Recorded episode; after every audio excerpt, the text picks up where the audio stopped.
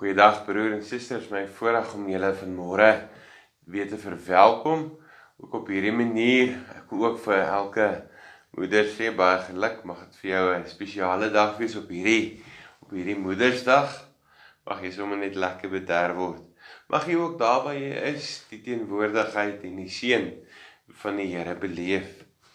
So wat ons gaan saam lees uit Kolossense hoofstuk 2 Ek wil vra daar waar jy is, kom ons sluit die oë, dan bid ons saam. Heilig, heilig, heilig is die Here. Die hele aarde is vol van sy magtige teenwoordigheid. Hierdie Here groet ons ook met sy woorde genade, barmhartigheid en vrede. God ons Vader en Christus Jesus ons Here deur die kragtige werking van sy Gees. Here ons kom ook nou vanmôre na U toe. U wat ons heilige God is, U wat die Here is wat ons kom nuut maak. Ek kom vra U Here daar waar ons kom saam lees.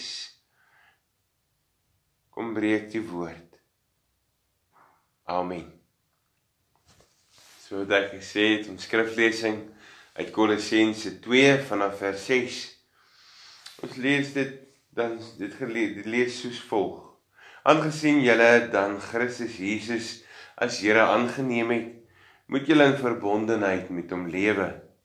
In hom gewortel en op hom gebou, vas in geloof soos julle geleer is en met dankbaarheid vervul. Pas op dat niemand julle van hom wegvoer deur teorieë en argumente wat misleidend is nie. Dit is die dinge wat berus op die oorlewering van mense op wettiese godsdienstige reëls en nie op Christus nie. In hom is die volle wese van God beliggaam en in verbondenheid met hom deel julle in sy volheid. Hy is die hoof oor elke mag en gesag. Daar deur julle verbondenheid met hom is julle ook besny nie met die besnydenis wat deur mense verrig word nie, maar met die besnydenis deur Christus en dit bestaan in die wegneem van die sondige natuur van die mens. Dit het by die doop gebeur deurdat jy toe saam met hom begrawe is. Deur julle verbondenheid met hom is julle ook saam met hom opgewek omdat julle geglo het in die krag van God wat hom uit die dood opgewek het. Julle was dood deurdat julle gesondig het en deurdat julle sondige natuur nog nie weggeneem was nie. God het julle egter saam met Christus lewend gemaak deurdat hy ons al ons sondes vergewe het. Hy het die skuld bewys met sy eise met sy eise teen ons tot niet gemaak. Deurdat aan die kruis te spyker het hy dit vir goed weggeneem. Het elke mag en gesag ontwapen en hulle in die openbaar vertoon deur hulle as gevangenes in die triomftof van Christus mee te voer. Tot sover ons skriflesing dan vandag As ons dink aan ons as mens het ons baie keer die geneigtheid om nie te besef hoe groot moeilikheid ons regtig in is totdat dit te laat is nie. As ons kyk na die situasie wat ons beleef, sien ons dit elke dag, ons word elke dag daarmee gekonfronteer en tog is daar nog steeds mense wat nie besef die erns van die situasie wat ons in is en die erns van die omstandighede wat ons in is nie. Ons erken baie keer nie regtig ons redding op 'n manier as dit opdaag nie. Ons dink en is net geïnteresseerd in die klein dingetjies wat ons vandag tot dag kan help. En dink baie keer ons het nie hierdie oortollige goed nodig nie. Dis verstommend. Maar tog as jy vir 'n oomblik daaroor gaan sit, dan gaan jy sien hoe ons as mens baie goed in hierdie lewe sommer maar net bloot aanvaar, bloot afmaak as nie ernstig nie. En dan kom Kolossense 2 en as ons dink aan ons geestelike lewe, kom help dit vir ons om op 'n manier ons redding te erken wel wanneer dit opdaag.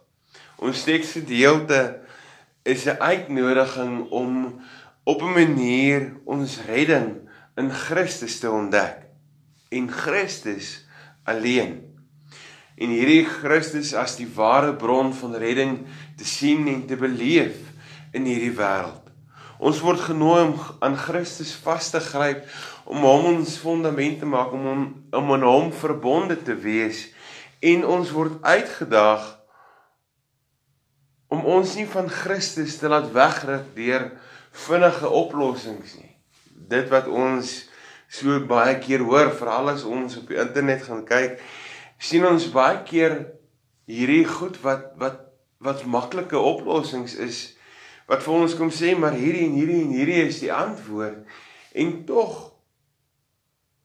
kom hoor ons en kom beleef ons Kolossense 2 wat vir my en vir jou kom sê maar ons redding bly eintlik Christus Christus wat die hoof is Christus waarin ek en jy kan bly vashou in moeilike tye. Paulus kom waarsku dat hierdie maklike oplossings wat ons altyd so gemaklik kry op sosiale media op SMS'e of hierdie dwaallering van vandag nie ons benarde situasie regtig kan aanspreek nie.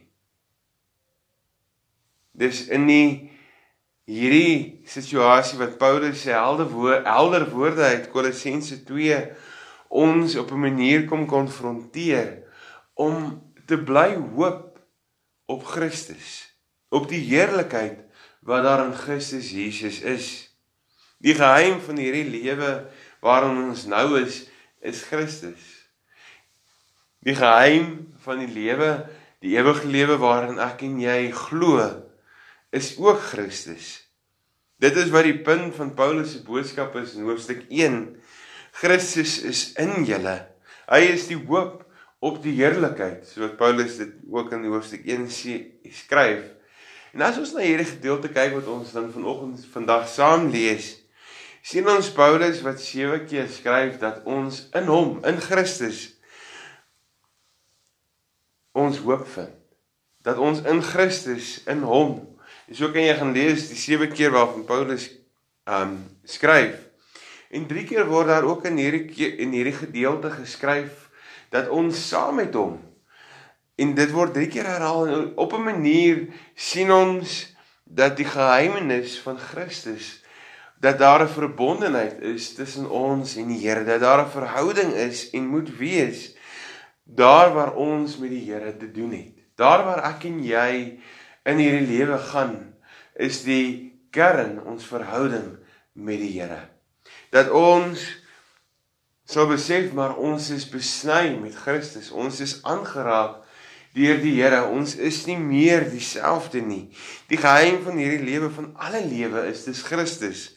Hy is in ons en ons is saam met hom. Ek en jy is deel. Christus is in ons teenwoordig en in hierdie in ons, in hierdie saam met ons, saam met die Here, lê die geheim van ons geestelike lewe opgesluit.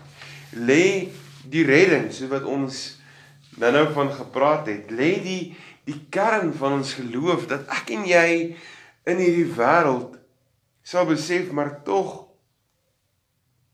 waar ons uitgedaag word ons nie ons sal dit wegruk van Christus nie. Deur ander opvattinge, deur ander sogenaamde waarhede, deur ander sogenaamde verlossingsleer, want hierdie Here is alleen die Here wat ons sondige bestaan, maar ook ons lewe verander sodat ek en jy in moeilike tye kan vashou. Sodat ek en jy in tye wat ons onseker is, ons hoop kan vind in hom. Sodat ek en jy in tye wat ons in ons eie lewe so bietjie kyk ons kan terugdraai na die Here. Want hy is die een wat vir ons die verlossing kom gee. Hy is die een wat vir ons sy genade kom gee. En as ons so 'n bietjie verder gaan, dan kom sê hierdie gedeelte vir ons dat ons in 'n verbondenheid met die Here leef. En dit beteken letterlik dat ons in hom sal wandel, dat ons in hierdie lewe sal besef maar ons is afhanklik van God. En omdat ons in hom verbonde is, sal ons dit uitleef in hierdie wêreld.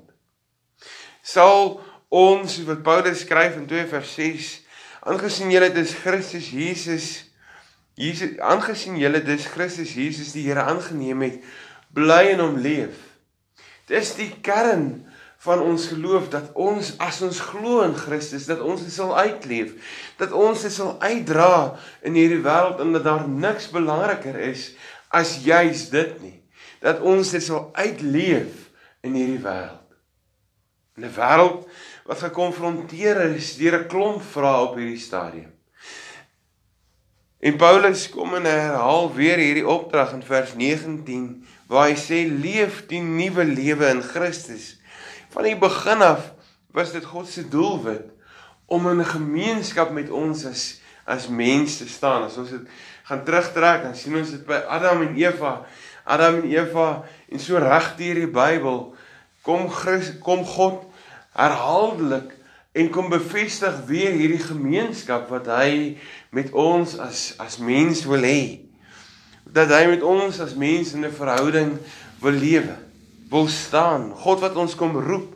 God wat vir ons telke kere in die geskiedenis as ons kyk na die Bybel kom kom wys dat hy hierdie heilige genadige God en dit is en dat hy hierdie heilige oomblikke juis ons kom innooi om in sy teenwoordigheid te kom wees.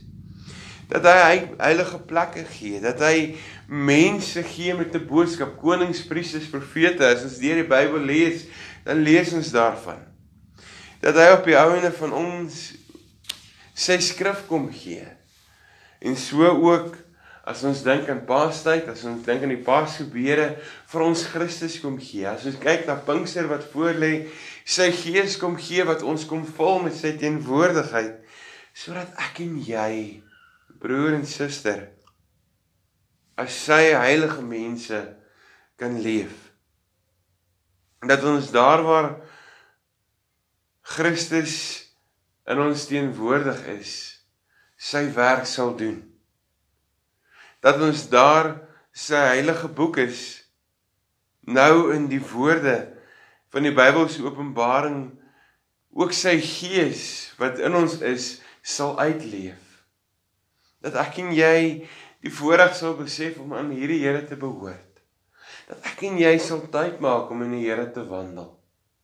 Mag on mag ek en jy broer en suster as ons hierdie gedeelte hoor werklik ons lewe so rig dat ons in die Here sal wandel.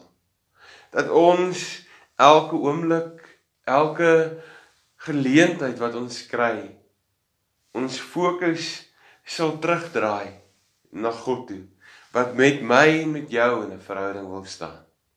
Wat na my en jou na hom te roep.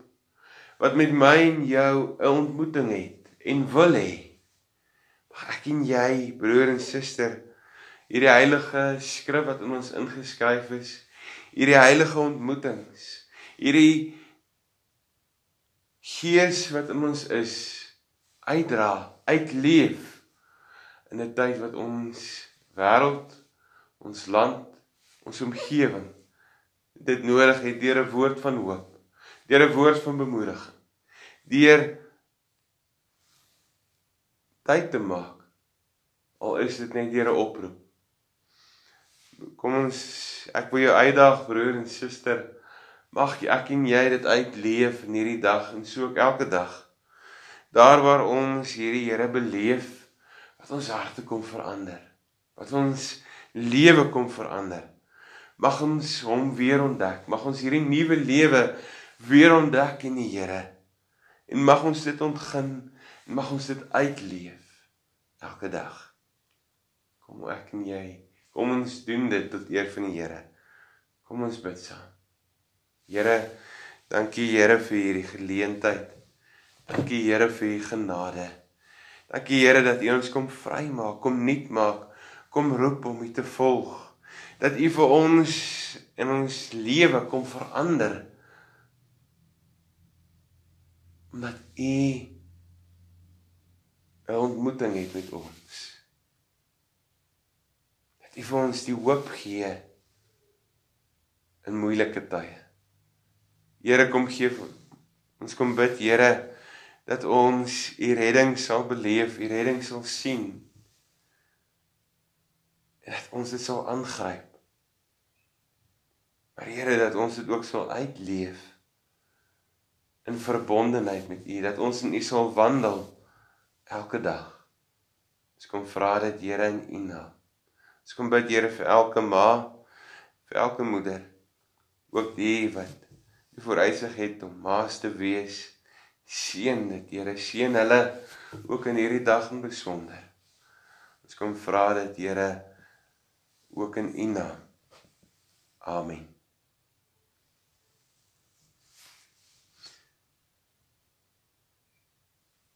Kom ons vra ook die Here se seën.